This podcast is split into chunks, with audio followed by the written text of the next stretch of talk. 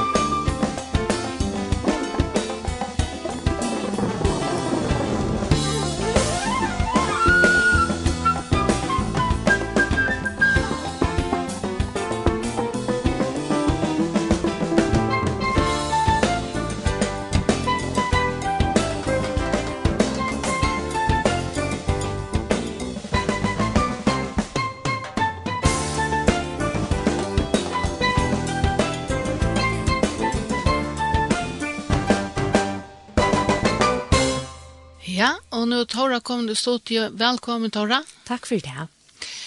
Og vi er atle for at hos sinter om uh, eh, svimmingsna tjater, sinter om at du er lærere og hva tankar du kjørstar om det, og så eisen til at du er forskvinne i megt. Hvis vi nå begynner vi uh, tjær og svimmingen, jeg minnes det som en helt unga jente og gavrøyka, hva er det svimmingen og tøya for det? da jeg var 11 er, så var jeg byrja som jeg vi eier, og mer domte til å la vel. Særlig var det fellesskaperen, og flere av mine vinkene før jeg svimmer og øsen ta, så jeg følte meg på en av veien høyma her. Og da jeg så ble 11 er, så ringte jeg Jensen. Og jeg minnes, altså jeg var 11 er, ja, og, og jeg minnes at jeg ble så rævlig spent. Jeg halte at uh, jeg har tøyma vel at prøve oss nøyt, og det følte jeg at dette var. At en vaksen med ringte til min, og han skulle ta seg vi med. det var høysten sinter spesielt, helt det. Og, og Eggat, at han som han er, han er så døylig åpen og positiv type, og han fikk meg via våknen bøyna ved. Og jeg tror at jeg var byrja svimja, så var akkurat det ikke det større lopet jeg byrja, men jeg halte at det at jeg slapp at, at lotteka sammen vi følte som bare brek, jeg halte det var den største moneren her, og jeg synes slipper ferast, utenlands til større kappingar. Ja. Og eh, nå minnes jeg som vel til at du var vidt til Norrland av mesterskapet. Ta du ikke være mer enn etter vi har da?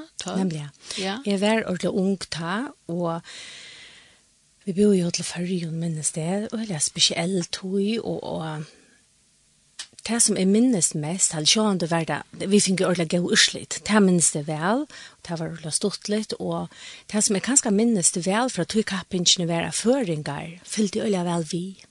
Jeg hadde føringer vært eh, ahoir ui, ui trotte, og kanskje hevur det eisini vi haft nega vi at vi finner go urslit, men er helt at allmenningren var øyliga positivt innstittlaver og pa utrotten for folk som ble brek. Og det gjør det inntrykk av meg ta, og sjølvan det her at, at føringar slapp jeg suttja. Det er veri vi omkra kappingar æren som jeg var ølja hodtidgjene av, og jeg var ølja glad for at føringar slapp jeg suttja kappingene at suttja at så falskene så var vi, og i utrattu fyrir, lesa summing fyrir, fyrir teg som byrja breg, er i imiskir flokkar eller klassar. Og her er det, eva så i, i bølge tutsi eller fem, tog besta. Ikke det beste i ursliton, men i har minst brek kan man sija. Og så kan man huske om at så få av de, altså brekene blir likamlige, større og større, lakre klasse nere, og kanskje hava vit som folk nok så kjøtt vi at halda at folk som blir brek, og kanskje blir større likamlig brek, ikke kunne ta samme som ånder. Og det var hodtakande at sudja at ødel kunne være vi. Jeg vil si at det at ødel kunne være vi. Ja. Og jeg halte i øysen ta at de som var bøtt noe ung ta, det var sendt til sjønvarsp noen, at det øysene let egene opp fire møveløygon, og, og bare til, til øyfalda ui at sutja at øll kunne være virkjen og passe inn mata. Det var spennande, og, og jeg følte øysen så, som en ung jenta, så, så brøttes det alltid. Jeg følte sutja øyvelse jo på. Det høyla, vil jeg si.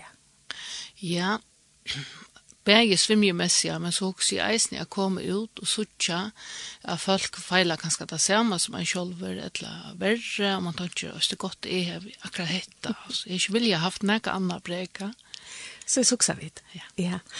Og jeg er så født i fyrjon, og jeg hei ikkje se nekran annan som hei luteboin. Jeg har så luteboin som, tar ser akkurat ut som hitboin, eller så. Det er bare nek minne, og det stittre.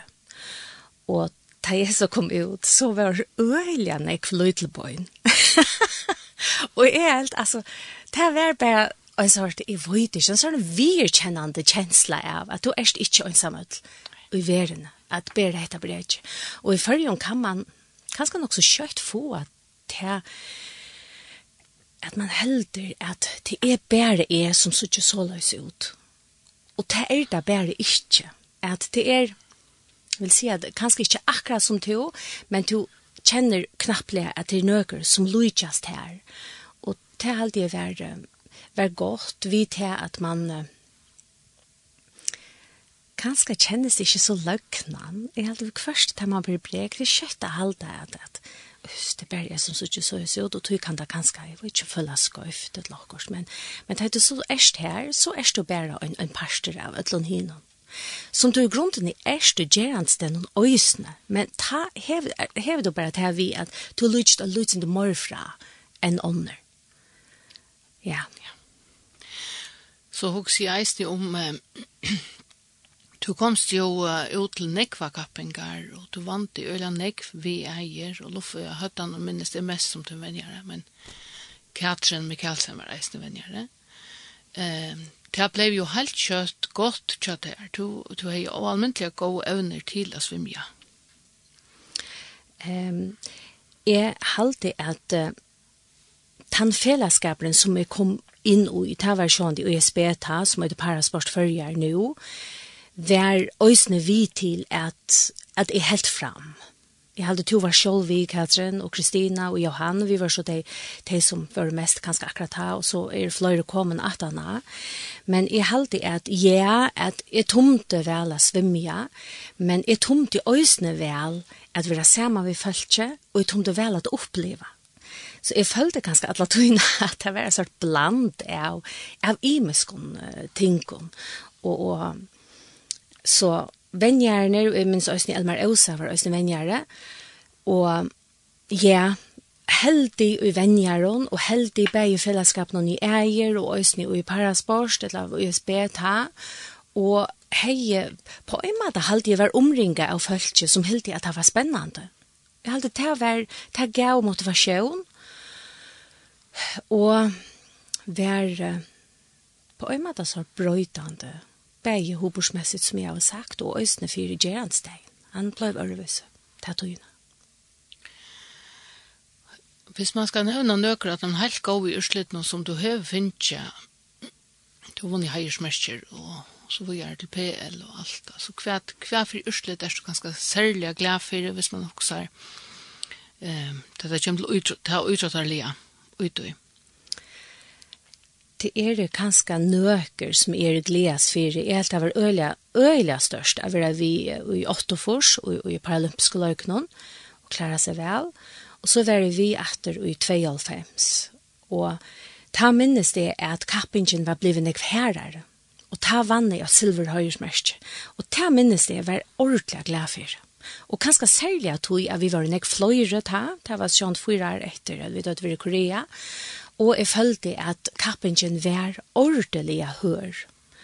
Og så kom vi bare huske om i det, hvordan hører hun er, det som skulle vi er, altså, og alminnelige gøy. Og så jeg halte kanskje at han silvermedaljen fra Barcelona i 2005, og, og annars er det flere hørsmerster som er glad for det alltid, men kappinger er ikke lykke, så det er kappingen er hør, det er kanskje at de hørsmerstene eh, mest at, at det var noe særlig. Det er tälja mer. På en måte? Ja. ja. Mm. Eh, Hvordan er vi, var det hundra fyrvalg du fikk, du vann silver, eller var det, hva er det? Det var hundra fru. Det var hundra fru. Ja, ja. Så det var ordentlig. Det er fantastisk og flott. Det er en grein som ødelsvim, ja. Ja, og jeg synes akkurat du tog, jeg minnes at onker Kapping kom og kikk seg ordentlig. Jeg skulle nemlig svimja, ja frivalda svimming, og bøynta jeg kæva i, og så blei vi pur, jeg miste i og jeg minst jeg gavst av svimja. Og det var ordentlig, en sort ordentlig sala litt nyelig, altså. Jeg minnes ordentlig, vi vant så nek fram til disse kappingsene, og Og Katrin säger nämligen att det här du. det, det är så som man, jeg vet ikke ordentlig hva det er gjørst heller, men, men jeg vet ikke, jeg følte presset være sin det här, och när jag så kom ned i vattnet, så er det slett ikke vært akkurat han kjenslen som är yngstemar og akkurat värre, så jeg gavst bare. Og kanskje også en till gjør at, at det er stort litt, det er så for jeg ganger vel, allugavel man kan se att på tandmaten att visst det ena fruk inte ordentligt ytla så byter man tänder ordentligt så man att det ska onka det hända efter. Det är ganska nära en tärgera ja. Det är otroligt ja. Tröttant. Det är det inte gånger som man attlar sig bruka sånn ekvatøy og orske og sette seg mål og så Kanske kan man se att det har li ett avgiftspress och åkon efter håndene som det blev vi att gänga väl och gänga väl och till ändan helt folk att vi kom bara hem vid Heirsmärsen. Det var Det var inte passe. Det var, vi kom i lukka. Akkurat det, og man vet hvordan jeg arbeid skal legges i, og man vil alltid at det skal gänga väl. Så ja, så det blir ikke emt hvis jeg så ikke gjør det. Ja, og så husker jeg eisne at um, for folk som ikke vet snakk om det, så er det tøtje bølger innenfor rørsletarn, og tøtje er han som er minst brek, og eit er han som er mest brek. Så det er faktisk, jeg synes det som boksar er, altså innenfor kategorier. Det er ikke mer innviklet enn så. Men det er jo forstått hvis vi lå jo å døye det, og vet du hva det er blevet til. Jeg skulle nevne å si ja når vi at løst og Jeg håper ikke det er foila årstøl. Det er så lenge siden. Men jeg har aldri klart det. Jeg tror jeg. Det er alltid. Jo, men jeg halte til at da vi nå har tatt om svimjønskene, og så var jeg så kom til vi til passende hårst et le. Hør du et le som vi kunne høre? Ja, og et le som, som jeg minnes er helt for ordentlig godt. Det er Whitney Houston som synger One Moment in Time. Og til sjåan det rødden til henne i øynene, men det var øynene jeg som, jeg var ikke den atmosfæren og til at, at Tonlager hever nega vi at han fer bort innom Og det gjør det etter leie, for meg. Så jeg hadde vi skulle høre det.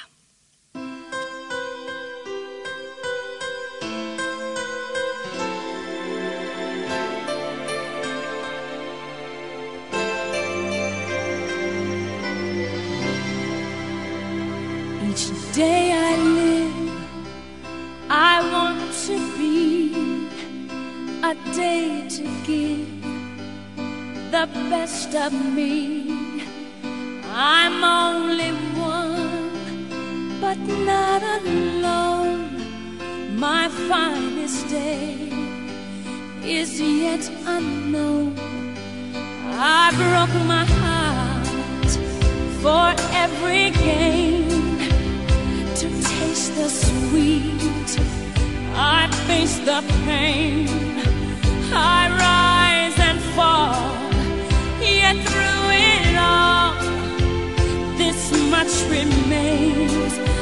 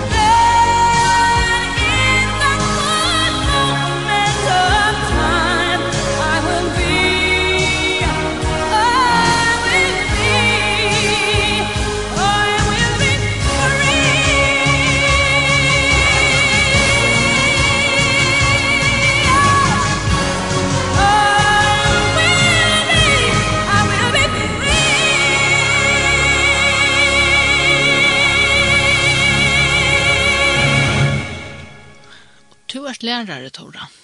När blev du lärare? Jeg ble lærere i 8.5. Og jeg fikk ta starv, um, det var annars en ordentlig gøy tog av lærerskolen. det er ganske verst å si at det. Han tog var ualmyndelig gøy. Og jeg følte at jeg kom ut av lærerskolen at jeg var ordentlig klar at undervise.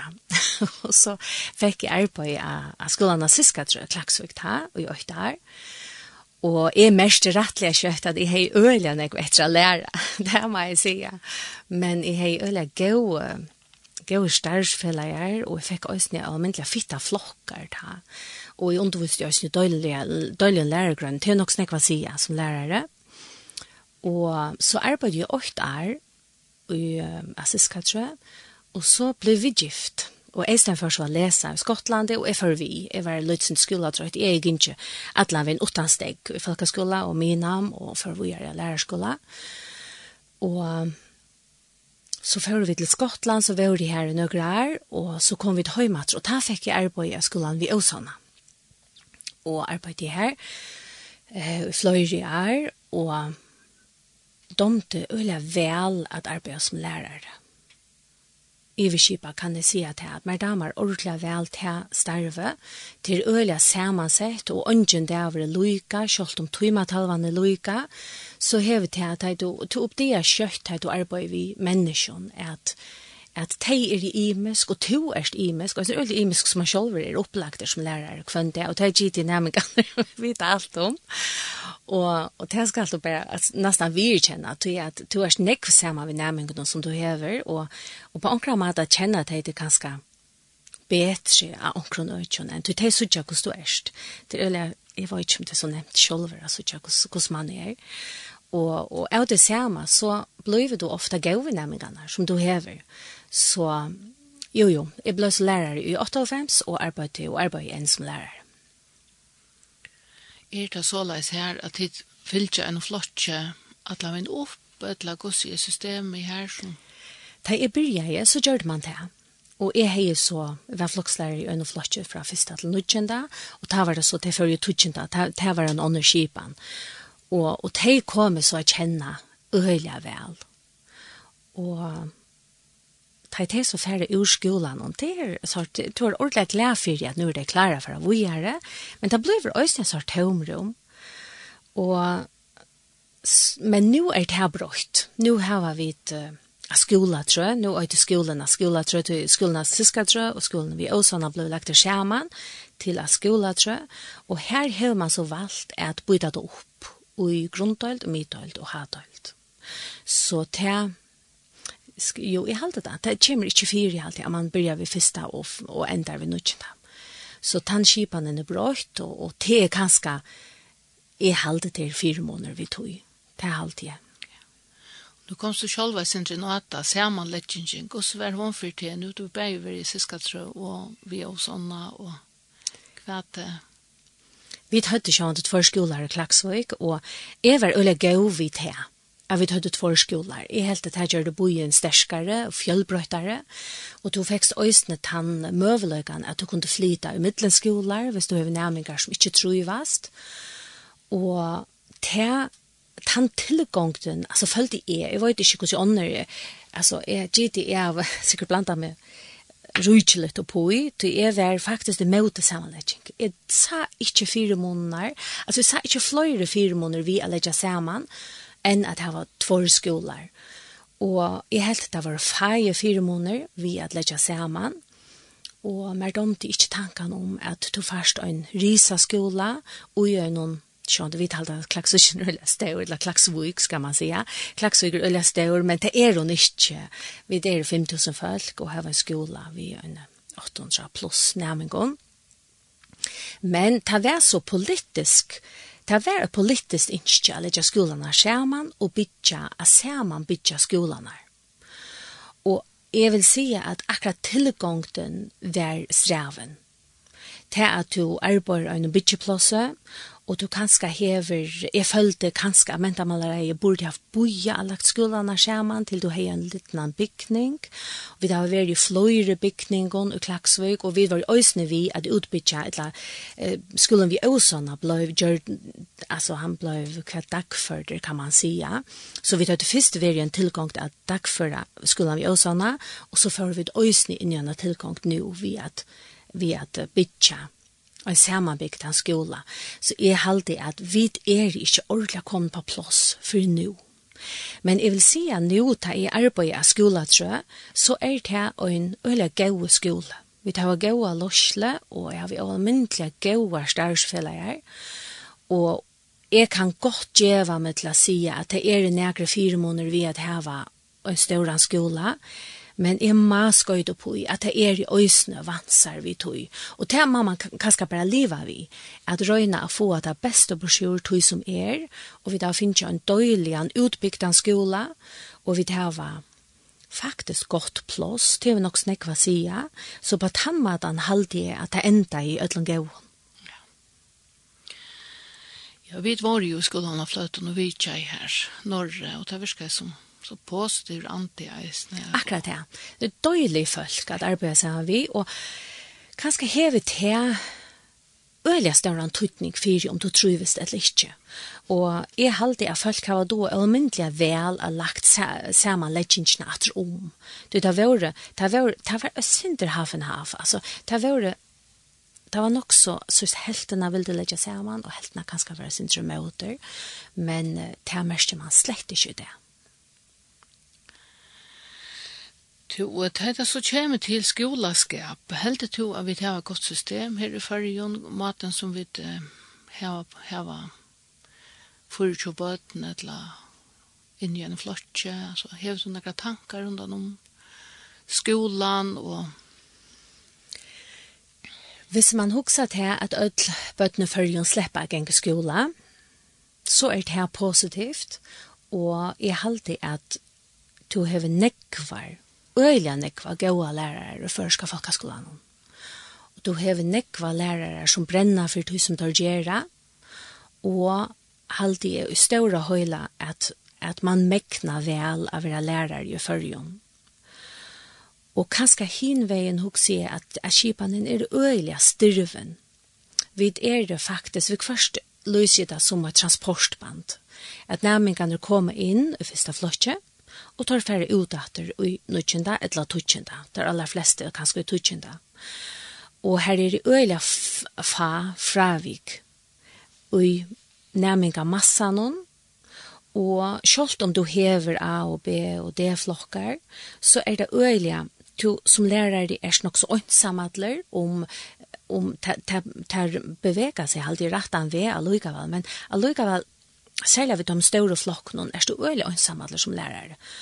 Og tar aller fleste tøymene som er her i skolan, og jeg lærte jo hårene etter, og så har vi er hese nærmengene, ta tøyene som jeg har der.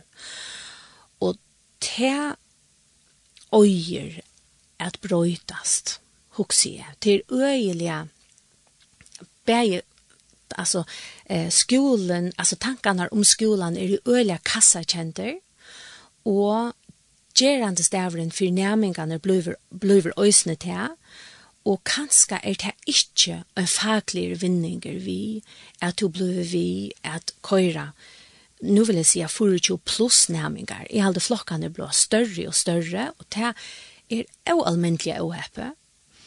Og så er det kanskje øsne til vi at samfunnet er jo almindelig enn jeg brøyte søgnast i herne, og selv om skolen er brøyter, så er han ikke så nekv brøyter. At du hever 24 pluss næmingar her som øyla nekver av dem hever omkrar avbjøringar, minne og, og, og større. Og alluiga vel haldiga skipanene tung tei du hev næmingar som verlig heva bruk for i øron, er er hjelp, enn bare øyne næmingon til hessa næmingarna. Og eh, kanska eh, jeg har vilja at det var lydet som det må flåtande i middelen. Altså, hvis man bare teker purast likamlige ervid og i kvørsjon og rom, ja, er bare hvis man lät opp og lydet som i middelen romene, hei givet, Ehm det ger ganska mer arbeid till så där men i halde det ger fler mövelikar att du bäge kunde fjölka om tar voice nämingarna men sannligen ösen tar stärska nämingarna i halde vi öle ofta tås om hur vi får det fungera jag voice nämingon och ta skulle vi och till orla gott självt om i halde inte vi ger det nog gott så tås vi öle lite om att lita tar stärska nämingarna så kanske tanne Det har sagt ni i så det er, Jeg vet ikke, jeg er gøy ved folkeskolen, førska folkeskolen, men jeg halte at han, jeg vet ikke man kan si, som jeg sier om Øseskolen, at jeg halte skipene kan godt dagføres, så at hun passer til samfunnet, så løs som vi ikke har liv akkurat liv, og øsene, så som vi kanskje, hvis jeg så tar ikke hinn hatten og på, som foreldre, hukse om skolen, at øyla nekve, Jeg tenker noen som fyrler vi ut i høymen noen, og til foreldre noen, vil det er kost inn i skolan, og det fytler bare møyre og møyre. Og det kunne vi være samt eller osamt om, men vi er bare nødt til at ha et marsk omkestene. Hva skal skolen, og hva skal han ikke? Og det kanskje er vi ikke over nok til å si hver gang marsk ikke lærer noen, så at han ikke teker alt og større arbeid for menneskeløve, og allikevel er det eh, og i nekvån for en et atjer tja nærmengen så trygt atjer som er utanfor i høyme, vil jeg sija. Virkelig avhåverst. Og kunne du huske meg at vi tar seg sinte meir om det at han hadde neste leie som du har valgt? Skulle vi teka ta nasta sangen som, altså det er en sanger som øyder er sutt, eller jeg ser, som er norsker, og som kanskje legger opp til et her om at vi er sammen om det som vi føler i livet At jeg kan ikke tega byrene fra der, men jeg kan hjelpe der å bære der. Så kanskje det passer til nå, lærere prat. Ja, jeg har det da.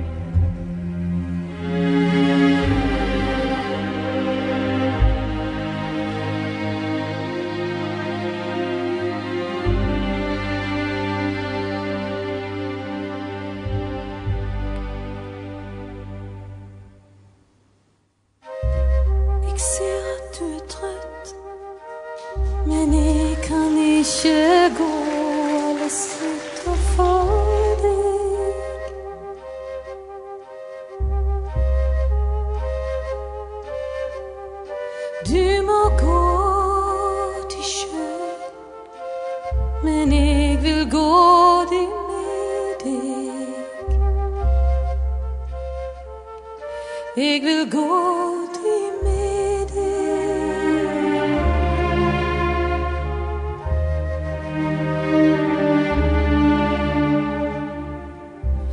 Jeg ser at du har det vondt Men jeg kan ikke gråta.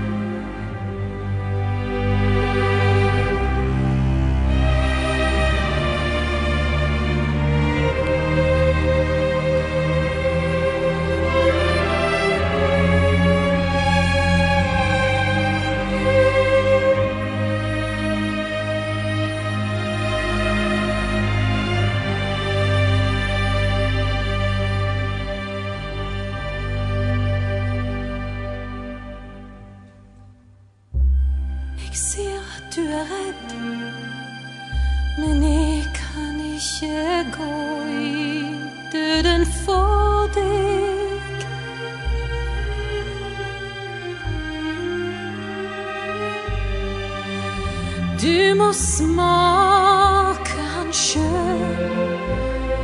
Men jeg er død til liv for deg.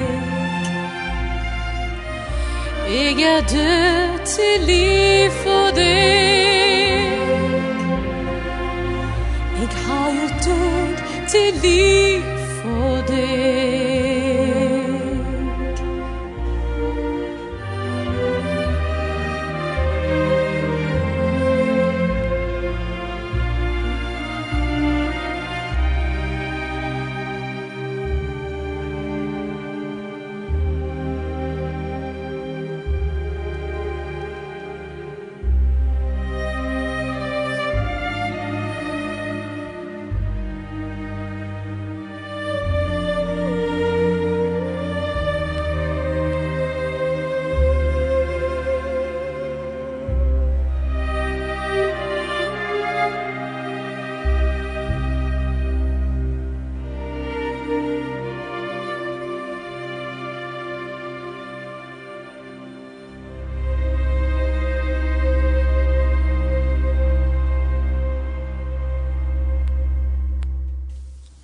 Jeg tenkte jeg vidt færre sende vujere av her som spårene som vi nevnte om om ta brøyta leiklåten og heimaløyv og skolaløyv og hver aperne av hverjon.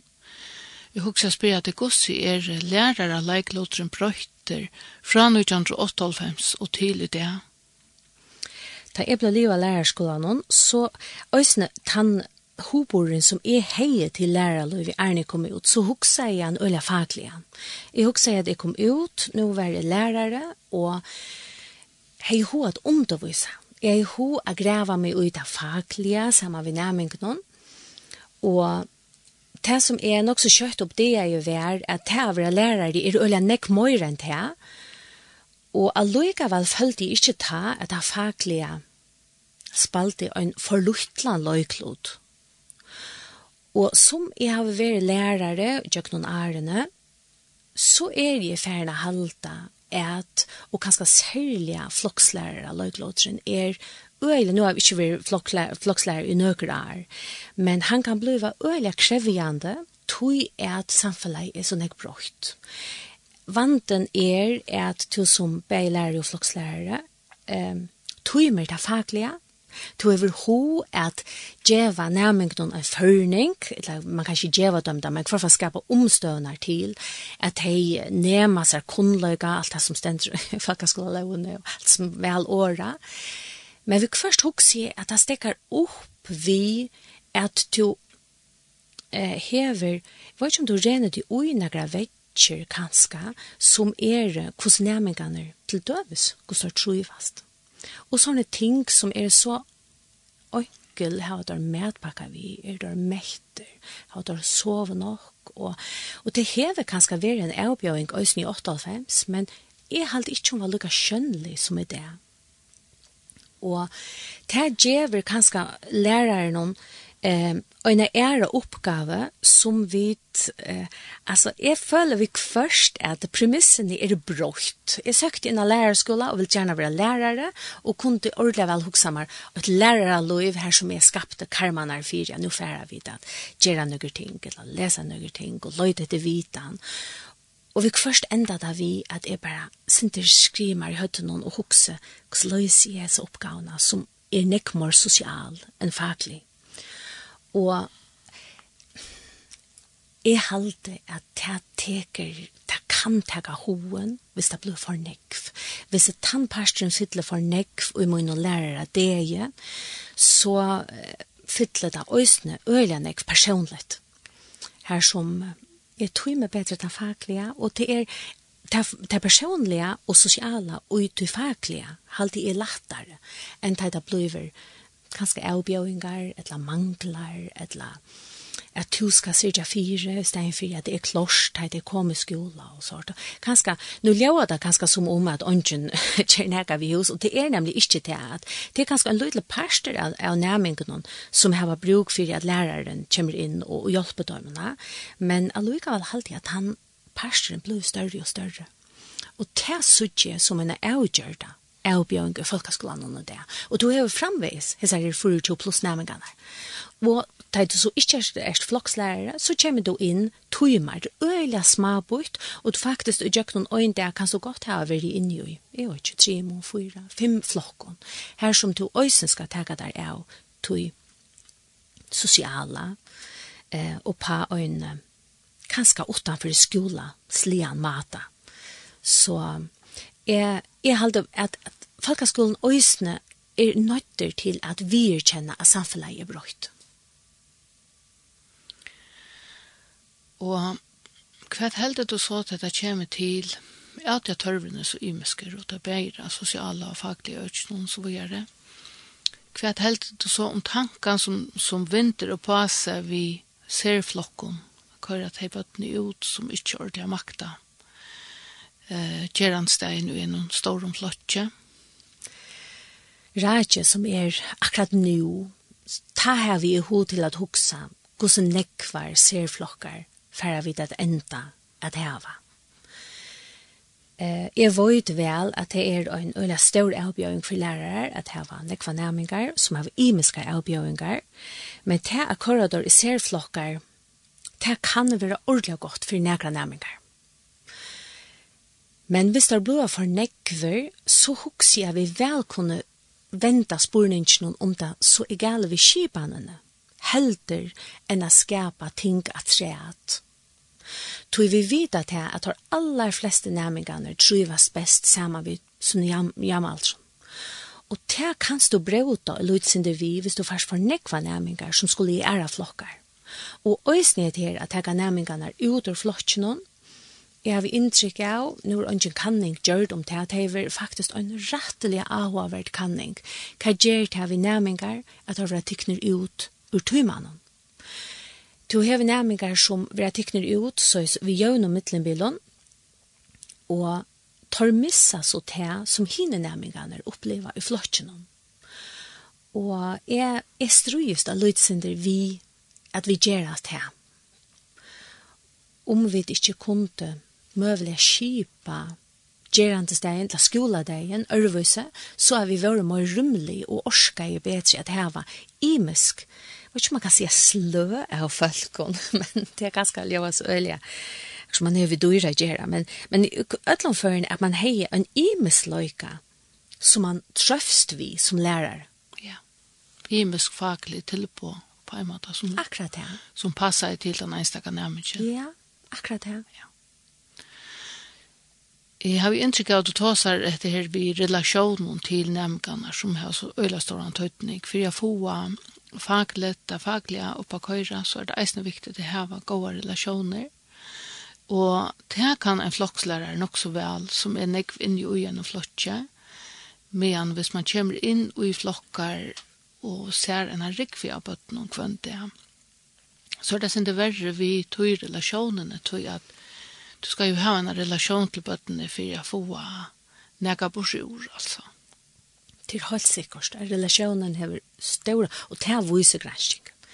At en god relasjon mellom næming og lærere, og øsne næming og næming, at du har et godt omkvarve, lære omkvarve, har overstørende tøytning. Og og til å kjenne ødel atter. Altså ødel som sitter og lurer nå og hukser at der man hever det godt, så har man mulighet for å lære mer. Enn hvis du alle tøyene skal sitte og, og hukse om andre ting, eller jeg vet ikke om man bok og, og forskjell så.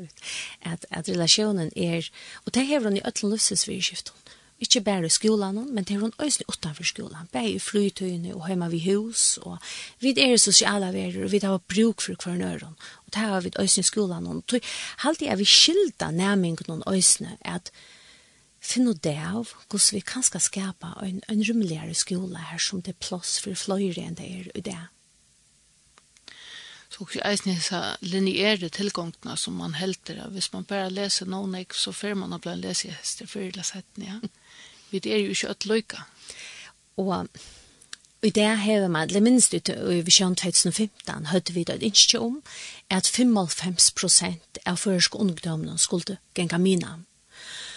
Og jeg husker at kvitt her, Vi er så imisk, og vi har imisk ahoamal, og vi kunne øsne godt, det har vi øsne også vi, i munnen ekna løyve, vi tar ikke skola, så var ikke jeg tomt ikke så heller vel å lese, og jeg tomt ikke vel å skrive, men jeg brøttes an jeg, fra til jeg var leo i folkeskolen. Så før jeg min navn, så var det noen ting som jeg følte avbjørende her, som jeg så fikk, var gjørst opp og, og lærerskolen, så brøttes det etter her, og som løyve gonger, så altså, vi er så imisk. Og vi skulle også anse etter at vi tjegjera öll ung loika. At hvis du skal ta några mövlaga løn, så måste du færa mina. Og jeg halte også vi skulle menna tar handali uppbyggvingarna og, og, og tekniske skolene og, og skulle ha nekk rykere møveløkker for de unge affære her som de av ho affære. og kanskje ikke blå vi er suttje størst i nøkron tingene og minne størst i nøkron øren tingene at uh, Jeg vil slippe at være at han som vi er til øyelig større antydning. Nå holdt jeg atter til tog på at høyre et lære. Og til leie som jeg har i ho er at um, det hever kanskje som så ikke vi eh, akkurat prater jeg ikke, men det hever høyde jeg lykke alt, det er øyde fjakkeren til en godsens som synger, og, og Jeg var, hvis jeg bare tar ikke høyde, så husker jeg at jeg er vidt ødel, men jeg hadde nå kommet lust etter det og vite hva han er blant sier. Musikk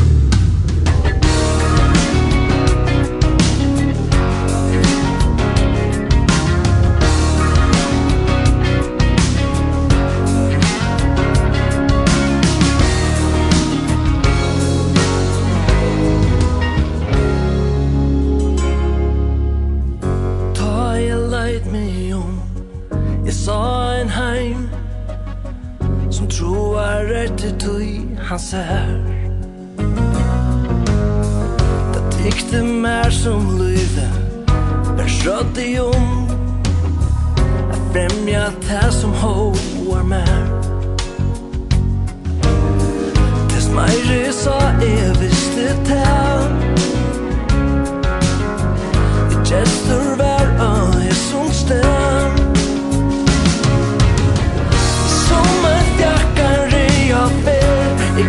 Abraham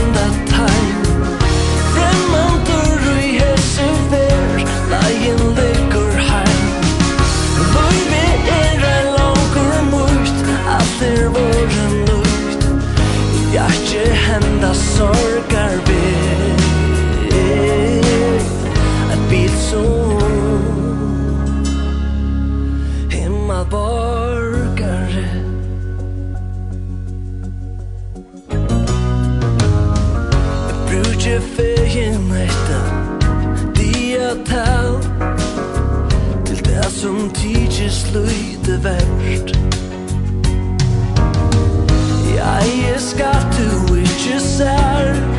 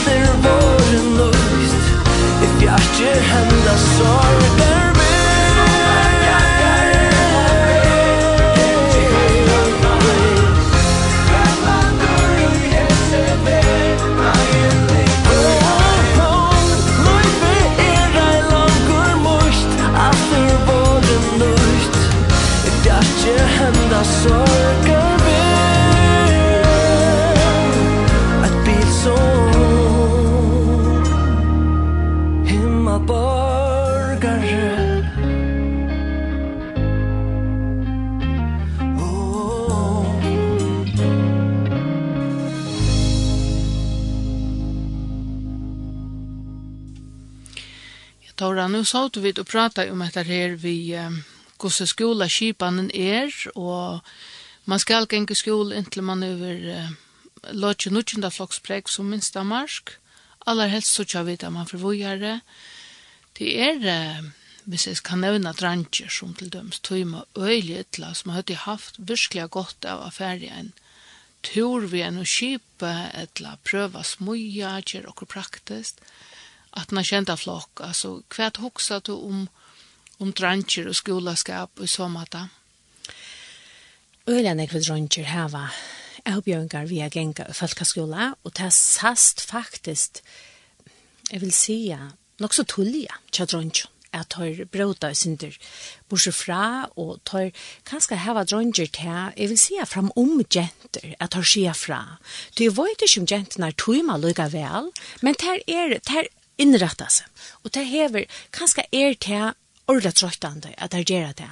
Men jenter er det nemmere på tannmaten at du, hvis jeg skal være sinter fyrakanta, så først du tar å gjøre som du vil. Da.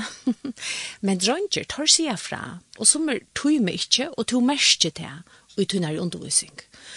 Og vi har haft at altså, altså, troblasjen er gammal. Og allikevel er vi til det, og enda har vi langt før var det kjent av flokk som er krauter, så jeg antar at du finner nødgjent av flokk som er krauter, og tar tøyma, som er tøyma faktisk bare verre og verre, ta sørste tøyna. Og heter ikke dronger som endelig er så ytla fire, hvis du var plassera i rett, så hadde du verilig kunnet vurst hva du doa, tar er bare plassera i her som du ikke ikke er vera. Og som dronger sier bort ut at jeg gleder meg av blå livet i skolen. Og, tar, og det er ikke bare til at jeg gleder seg, men tar verelig ikke, ikke øyne at jeg er i og her også jeg at kanskje fire bæge jenter og dronger er vi dutte bedre at gjøre folkeskolen mer fjølbrøytene, og ikkje vore så fokusera jeg på at vi først hugsi og jeg tar ikke meg selv sjolvan ut i, at jeg hugsi om jeg skulle vujar jeg mina, at faktisk er det mot mal som lærare å brinja deg til det. Stein fyri at mot mal er a brinja deg til luive, Jeg kan skal få at det er bedre at doa, altså det åra, hva det er, hva det er hva hotla gjøre, og eh, ikke til at det skulle avgjøre, så tullja hva for utbygging det få, men allikevel heldig til at det kommer kjenne hver annan, og eller kjenne seg selv, og øsne til at kjenne sine mørsk på øymat og øsne, og tåra sier, hatta tog meg ikke. Og jeg vet om nærmengar som jeg kjenner, som er byrjar av min name, at de knapple opp det, eller at vorst, at de visste det ganske æren det for å gjøre, at de slett ikke er. Og det har vært dyrvet til å gjøvast, og så er gjerne færa kanskje en tan handverkslige veien i stein fire, og finne verilega sånne hittle her. Og ta bløy vi er først, jeg var ikke hentet nær nere etter, jeg må ikke lære man nær, eller hva det er som han får nere etter, jeg husker til å finne sånne hittle som en borgar i en samfunn som i grunden har, har nekv til på, men som hever hod til at på en måte ønsrette de unge i utbyggvingen. Her som vi vet, som vi også tar seg om, at vi har bruk for ötlundsløven av folk. Vi har ikke bare bruk for akadem akademikere, eller folk som har hakre lesna, eller mye lengre utbyggvingar. Vi har bruk for en noen av en massa av folk som kunne menna følger. Og jeg halte vid jeg ble bedre til at vi kjenner at alle utbyggvingar er vi da bruk for i. Ja, det er jo pura samtrykk her også. eh, nu hugsa jeg skifta løytset spår og nu fer jeg iver og ser flokkar. Eh, vi hugsa nok som jeg iver og ser eh, hver jeg vantar sørst og vi tog og hver jeg fire måneder sørst og vi taimon, altså Jeg kan ganske dreie og løyt sinter vujer at vi så langt hava tås om, tog at hvis vi fer inn i serflokkar i det, så er det tar, tar hava en øylig iveva av dronjon. Og hva er det som gjør til at dronjer i større mån enn jenter hava bruk for serflokken, og hvis jeg pura anfall skal egløya til, utan Jeg held ikke vi tæva, det kan godt være at det er gransking om det, men det er ikke noe som jeg har lyse. Så er det drønnsjene overførere til å si at det skolen ikke gjør mening. Og selv om det er det også tog jeg drønnsjer, det var ikke til øsne diagnoser som er i pjoi, men det er at, at, at serflokkar bliva få et større og større plass inni i folkeskolen kan gjøre med å lyde sin kjetta, og hinveien er det nøker som ordentlig trivast her og skulle være her. Men det blå for nekv. Jeg har jo ikke til hoksa, ta vi fer inn og eh, ser skola tanken at eh, hvis vi som lærere skulle vurdere hver er særlig antørv og hver ikke er særlig antørv, så kan man også kjøtt fære at hoksa at hesen hører ikke heima her. Og så tar vi nå hoksa om tantøtningen som relasjoner heva. Mm at uh, at baten som jeg har, som jeg ikke alltid hører heima i min flotje, kan kjøtt for å føle at jeg, for det er om ikke beinleis sitt av vi vil komme til. Ja. Mm -hmm.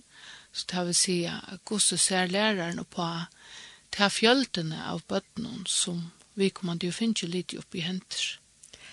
Og akkurat dette som du sier nå, fer meg at hukse om at Møy læreren hever at hukse om ut iver det faglige, minne iviskott hevran til å møte hver en ønstøk og nærming. Og faktisk er det olvarslitt.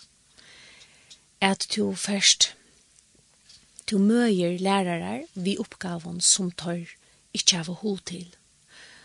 Og så kan man se at, at lærere må fylgja vi, og tar må passe inn i samfunnet som er i det. Og, men allikevel halte vi et øye virkjenne at lærere, til å være lærere, er et bestemt Du kan ikke bare brøyta det etter hvordan, hvordan nu innenfor passer best. Og så først en flokk som er ganske mer avbjørende enn en annan som du hever, så skal du bare tillega det til. Um, hvis vi vil hava iverskottslærere som har ho at undervisa, som har orske til at ha gode relasjoner ved nærmingene, så må vi også virkjenne til at ta man lujtjast en lærere oppgave. Om hun så brøyts det lydsenter, ta og vi er øyne imes som lærer norsk og lærer, lærerkasserne, at, at vi er jo øyelig imes hva at også vi har av for som altså personligt. Eh, og til også imes hvordan vi skaper relasjoner til også til.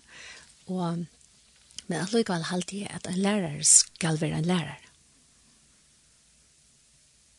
Ja, hatter hatter avhåverst jeg, at uh, særlig i innskolingen bruker man øyla nekv orskjo på Jeg finner det av hvis det er bøtt som virkelig har det tropelt. Og det er det. Det er bøtt som har det. Og det er faktisk ikke en lærere oppgave å gjøre det. Så kanskje man kunne, hvis man fikk mer hjelp til sånne ting, å bestemme hva skal hette og hva skal hette og så videre. Ja. ja. Og et annet som er onket og huske er, det å skapa tryggløyka ombøtten tog at det at vi kommer snikkerleis i kjøkken og løyve, ta, ta koma vid neivan, og næmingan er færa fra tog til ærere, er føla loiv i avbjøvande. Det er så øyla nekv som avvarskar okkon, og, og ta avvirskar øysnebøten, at vi må hava plås til at næmingar og gjerne tog ikke trøyva så vel kanskje og føle lov i avbjørende, utan at det skal være en diagnosa, etla at det var øyelig størst bruk for en øren fagfølge, enn bare tryggløkken om å være menneske. Og kanskje er vi også ferdig inn av å skulle fikse alt. Hvis du møter en nærmere som hever det streve, eller for å gråte, eller så, så, så er det også annet, det skal fikses, altså du har ikke det. Så det er en fyrig at lære, Og nu tar jeg absolutt om bøtten, jeg vet ikke om man kan si at normalt er ikke noen, jeg vet ikke si året med her, men, men hva for bøtten som, som ikke har diagnoser som så, men å lære deg å være og i løyvene. Du tar at det er bensjen vi først, etla at det føler sorg vi først, at det føler seg og lydsens utenfor vi først, enta, er naturlige parster av, og derfor er det øyne jeg føler at det er blå vaksen. At det er kjensler som vi er funkt vi kan skjæle, som vi opplever som, som, som mennesker, som vi øyne øye at lære at kanskje bare vi kjenner at så er det vi først. Og være samme vitt, men utøy. Akkurat det. Ja. Så också är ganska att för att låtsas till nästa läge är vi skifta spår. Ja. Og jeg husker kanskje at vi, nå var det ikke hva for spår du atlet der inn av Katrin, men... jeg husker meg. ja, det er det. Jeg husker nemlig en snær uh, sankeren som uh, atlet jeg styrer der. men, og en sanger som Maria Lertsen synger, som er så avmyndelig gøy. Og til Ystingen, og som er så øyelig vøker. Det er til standa og vakka og troa.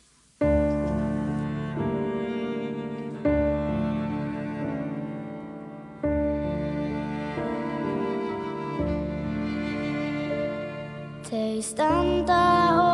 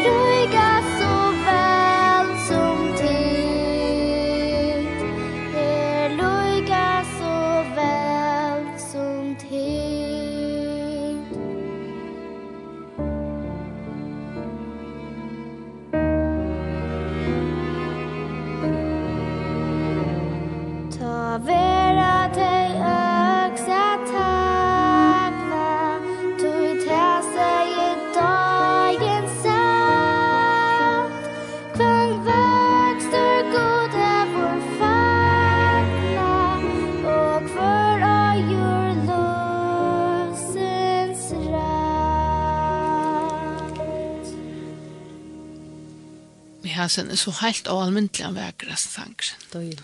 Og så også jeg spør at nå er så forskvinna og umykt, og jeg halte det er ikke helt løy kom på sjørtja der, eh, du var varspa av nekv ting, og jeg hukse, hvert vær eh, tøyn, eller hvert er tøyn høves visjon og imon til å være forskvinne her, hva vil du gjerne heva, Hvis vi leser søvende om mekt, som nå er 40 år, så halte jeg at det arbeidet som var gjørst fra byrjan var øyelig velgjørst, og det var sjående kanskje ikke fått semja om man nå skulle hava et megenfella eller ikke, og nekve tankar kommer fram til tøyene, og allikevel vant til hevd at hava et megenfella som kan virka iverskipa politisk imon til limafelløyene.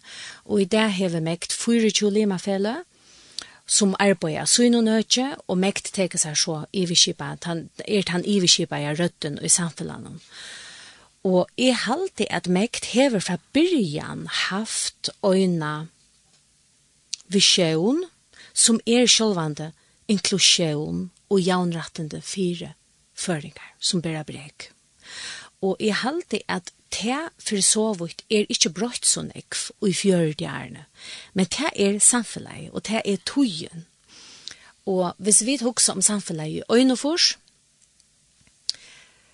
så er samfunnet og ana nekv brått.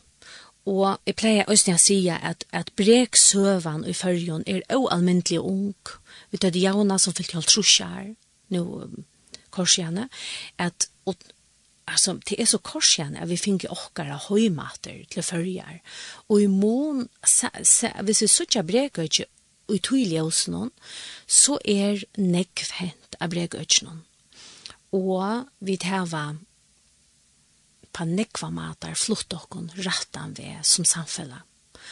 Og vi da finnje da a nekva nøytjon, bedre kipa, og vi do oss bedre at sette åra hva det er som vi innskja, og forståelse halde er tja føringon allment, er øyla positivt i vi fire brekøtjene. Og det som er så kunde huxa mer hände att se att kanske att de stora träcken och abregötchen och tävär är att vi får att arbeta mer myvust är vi saunaje till dömes skipaner nek för bättre at man har futjarlåne hever nek for grøyare mal, fire, hver man legger pengene, og hvordan man skipar allt det som øyter, jeg vet ikke om jeg kan kalla det under øynene felags brek økje, det vil si alle tjenester og alle skipaner som vi heva. Vi heva et døylet samfella i følgende det, og vi bruka nekva pengar og på brek økje. Og kanska er det ikke påsna pengon som mangla, men nekvmår hvordan vi skipa okkur og det kanskje hei er yngst å se en brøyting i. Du har også rent praktisk eisen, altså hvordan, hvordan formidler vi dette her, hvordan gjør vi det, så det er så enfalt til å bruke noe som møvlet, og mer tjøkken skikt eller så leis. Fer etter fer møter vi et følge som renner seg ui, i kibanen. De få ikke, de har rett til avvis virkskifter som de ikke vet om til dømes. Ånder ting er det at det rennes uiskipene til få av jotta, men så er det ikke penger til det. Og akkurat nå, en øyla større trobløyge som politikerne som så ikke kunne gjøre så nekv i te mangler på folk. Vi tar for få er henter av vera til arbeids. Og det er, jeg vet ikke om det, jo, det er faktisk en nødger, en nødger avbjøring av treet av bregøyden. Så jeg husker ja, at vi, vi, vi Altså, jeg är villig att vi, at vi visste hvordan vi kipar oss av bregöjtsen. Og vi har et åtal av tillbåen og et avtal av skipanon, og allikavel rene borgaren si ui, fer etter fer. Og det som vi gjera øysene, i førska samfunnanon, eller lovarversjonon, det er at vi lovgjøver etter diagnosen. Og det er så trøttande, tog at så stendet du vi er noe tilbøy til øynbalkafeltje, og alle hine som er utanfor, tog bad, til få det ikke. Og så hever du i det nødje lovene, til dømes, eh, heter vi, vi, vi loikehalsvending, her som du atter gjerst et vel, hvor skal du få dette tilbøy? Og to vorst til at folk blir bare sterskere av å få gå tilbøy Hvis du gjeve borgeren til som han er bruk for, til rette tog, så fer han ikke at, med damer ikke er året her, men det er sjøys, så fer han ikke at være lukket dyrer for samfunnet, som hvis du bojar, og at du ikke gjør det noe vel. Tog, hei man kunne, eh, samla allar aktörer og gjørst en sånn iverskipa atlan fire, hva er det vi atla i det føreska samfunnet. Og her er til dømes og et ambo som vi tar søknast nekv etter, det er å gjøre en breg politiska virkesatlan. Hvordan vilja vi til heva at disse virskiftene sitter ut om 20-30 år. Øysene vi manglande bostøvån. Og nekva av oss sine større trobløkene i grunnene som vi heva bregøkene. Her som vi øya at arbeida malrata, og vi øya at arbeida iver om samgånger. Så her er Jeg vil si akkurat som jeg byrja jeg, at vi tar flott av oss utrolig nekv av bregøkene, og likevel halte vi at øya blå bedre til flere ting. Hvis vi så fer iver og i uh, jeg synder ørvus uh, sjånarhåten um, Du ber en fra en mann kom her, han som var fotografer. Kan du forklare sin trom til?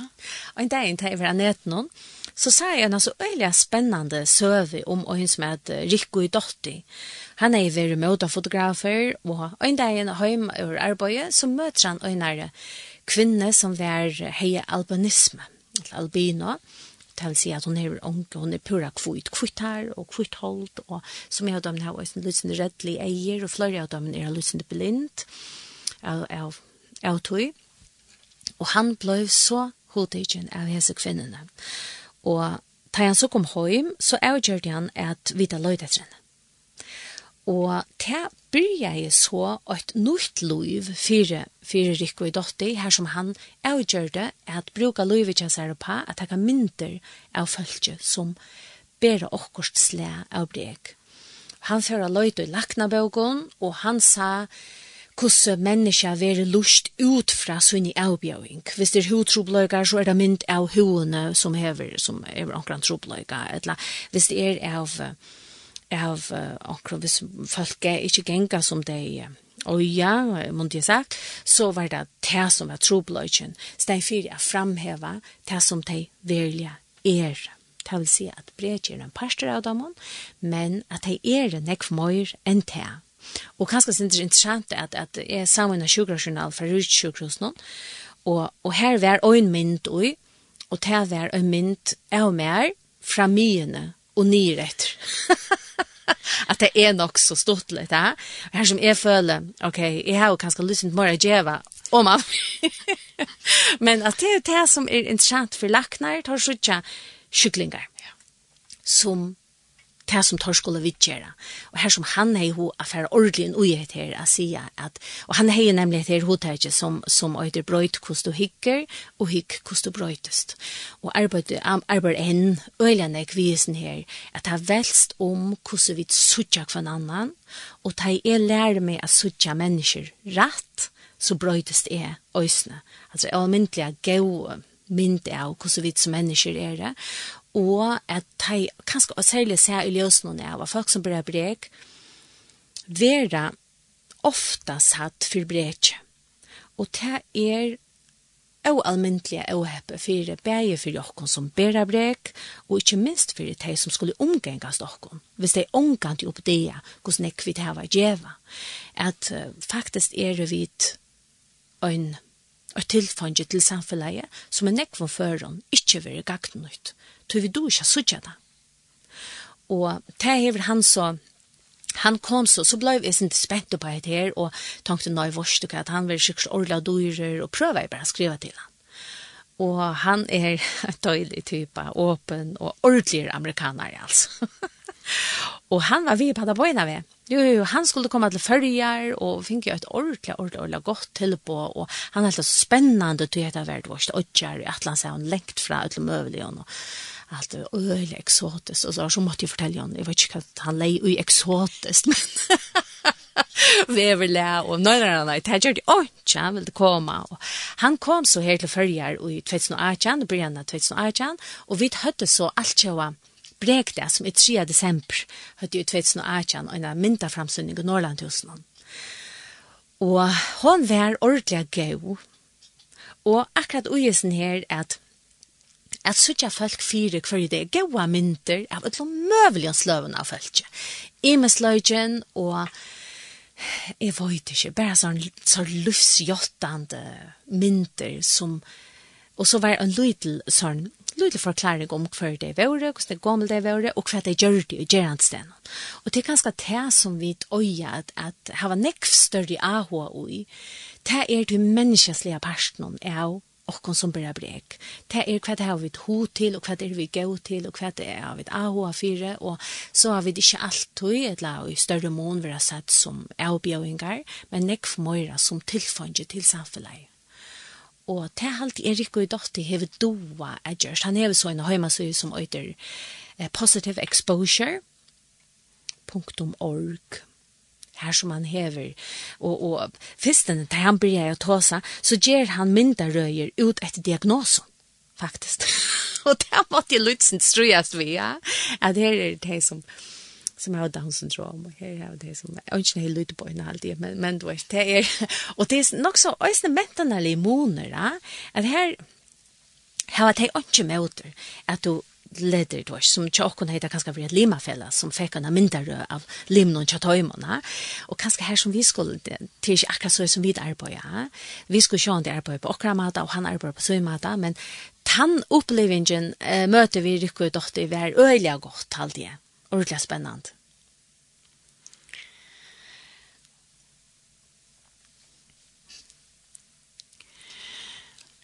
Eit som hever opptidje med nekv, og som eisne veit at hun tidje opp i flere førhånd, til at her vi gosse vi definera og gosse vi tåsa, altså gosse at år um, forma okra verleika.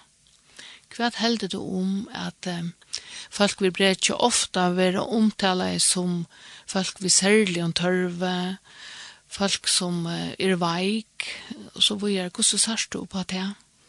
Åringar og år hava øyelig meg. Og vi først kanskje gjør vi dere ikke fær om hvordan større meg og avskan de hava. Og da vi tåsa om voika borgare, så har vi ho at, og jeg vet også noen politikere har spurt av uh, tingsins at, hvem tåsa man om ta, da man tåsa om voika borgare. Og sjående, vi har hørt det så ofte, vi vet hva det er og jeg halde er øyne for som forskvinner og meg, til å bruke det, og til hver fire av få politikere er skilja hva det tar seg om. Du er mer damer, alls ikke, er vi kallet nægran vøygan.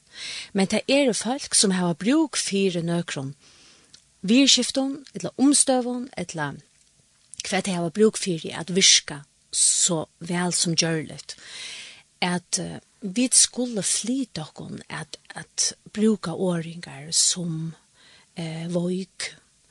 Og som megenfeller hava vi valgt at vi bruka a bera brek. Ta gjerra vi konsekvent, og det er for det første tog at SS-åttmalen gjer det, og for okkon hevet det tøytning som megenfeller at vita hva vi tås om. Så det hava vi ikke brått, og i ødeles i ærene, Og til at bæra brek er halda som er ordentlig kjælet. Jeg vil si at det lever så tungt. Altså, onker har sagt, hvis jeg bæra brek, og så har jeg bare lagt det fram her. ha?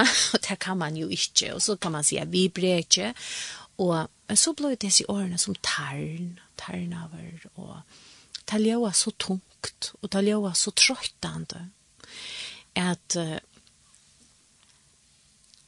det blir ilt, at åra seg, men hin sujan av det som faktisk òsni er avaver, det er at du gjerst at folk blir bensjen at åra seg, at brega ikke noen. Og det er kanskje det tristaste. Hvis folk får og så ut en kjenslig av at jeg vet ikke hva jeg skal si, så er det bare. Og jeg har vi hørt folk som er kommet opp i, opp i ærene, som har haft omkring i familjene, her som de sier han var så brek. Og jeg vet fulle vel hva de møyna. Og jeg vet at de møyna det ikke kjelet. Og det har vi vært og almindelig gøy vi heter menneske. Så det er øysene, det er noen år som vi øya kan skal gjevast å si, men det hever øysene tøytning i hver hverjon samanhengen vi sier det. Og det er høyre bøten sier, åh, oh, du er breka, så fei er virkelige knopper jeg kan ikke tåle det. Jeg halte det er så kjedelig at vi misbruker år, og eh, gjør det at årene får en annan kikseian tøytning enn det er veldig kan han heve. Så at her vi åringen er, det er jo alle almyndelige avhåverst, og jeg halte at bare til at vi har sett år av det, så som vi heva, er rukt fire kjætje og fire male, og det er omgande sagt nå ofta at vi øye av vant dere og male, til at år heva så av almindelig større antydning. Ja, og at det er vi særlig om tørve og så videre, ja. Altså, hva er særlig tørve? Er det ikke godt at en uipo eh, har plass for kørestålen, ja. man kan køre beint inn og så var Så er det så øyelig særlig at eisen mot allmenne bygninger og så videre, ja. Akkurat, ja. Og jeg har vi enda hørt tar ikke ikke så lenge kjenne, at det var om en nærming som er særlig annet særlig en tørv. så jeg vet ikke hvordan jeg særlig skal komme frem av fire. Og er så samt, altså vi, eh, det er kanskje av, jeg vet ikke, vi mangler år, eller jeg vet ikke hva det gjør, jeg vet ikke hva folk får året seg så løs om åkken som blir brek. Jeg hadde bestemt ikke at vi er våg. Nei, kanskje tvørst som mot. Mm -hmm. Tora, tusen takk for et godt prat. Selv takk for det, Katrin. Og hvordan er vi til sørste sannsene?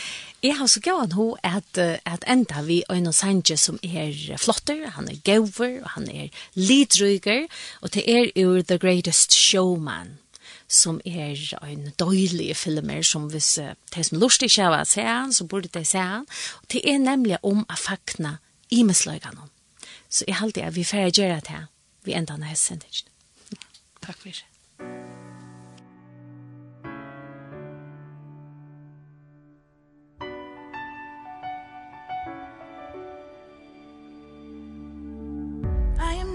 stranger to the dark. Hide away, they say Cause we don't want your broken parts. I've learned to be ashamed of all my scars. Run away, they say No one will love you as you are. But I won't let them break me down to dust. I know that there's a place for us For we are glorious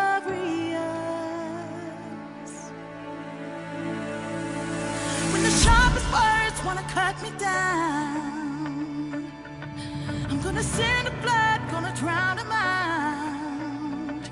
I am brave I am bruised I am who I'm meant to be. This is me. Look out cause here I come. And I'm marching on to the beat I drum. I'm not scared to be seen.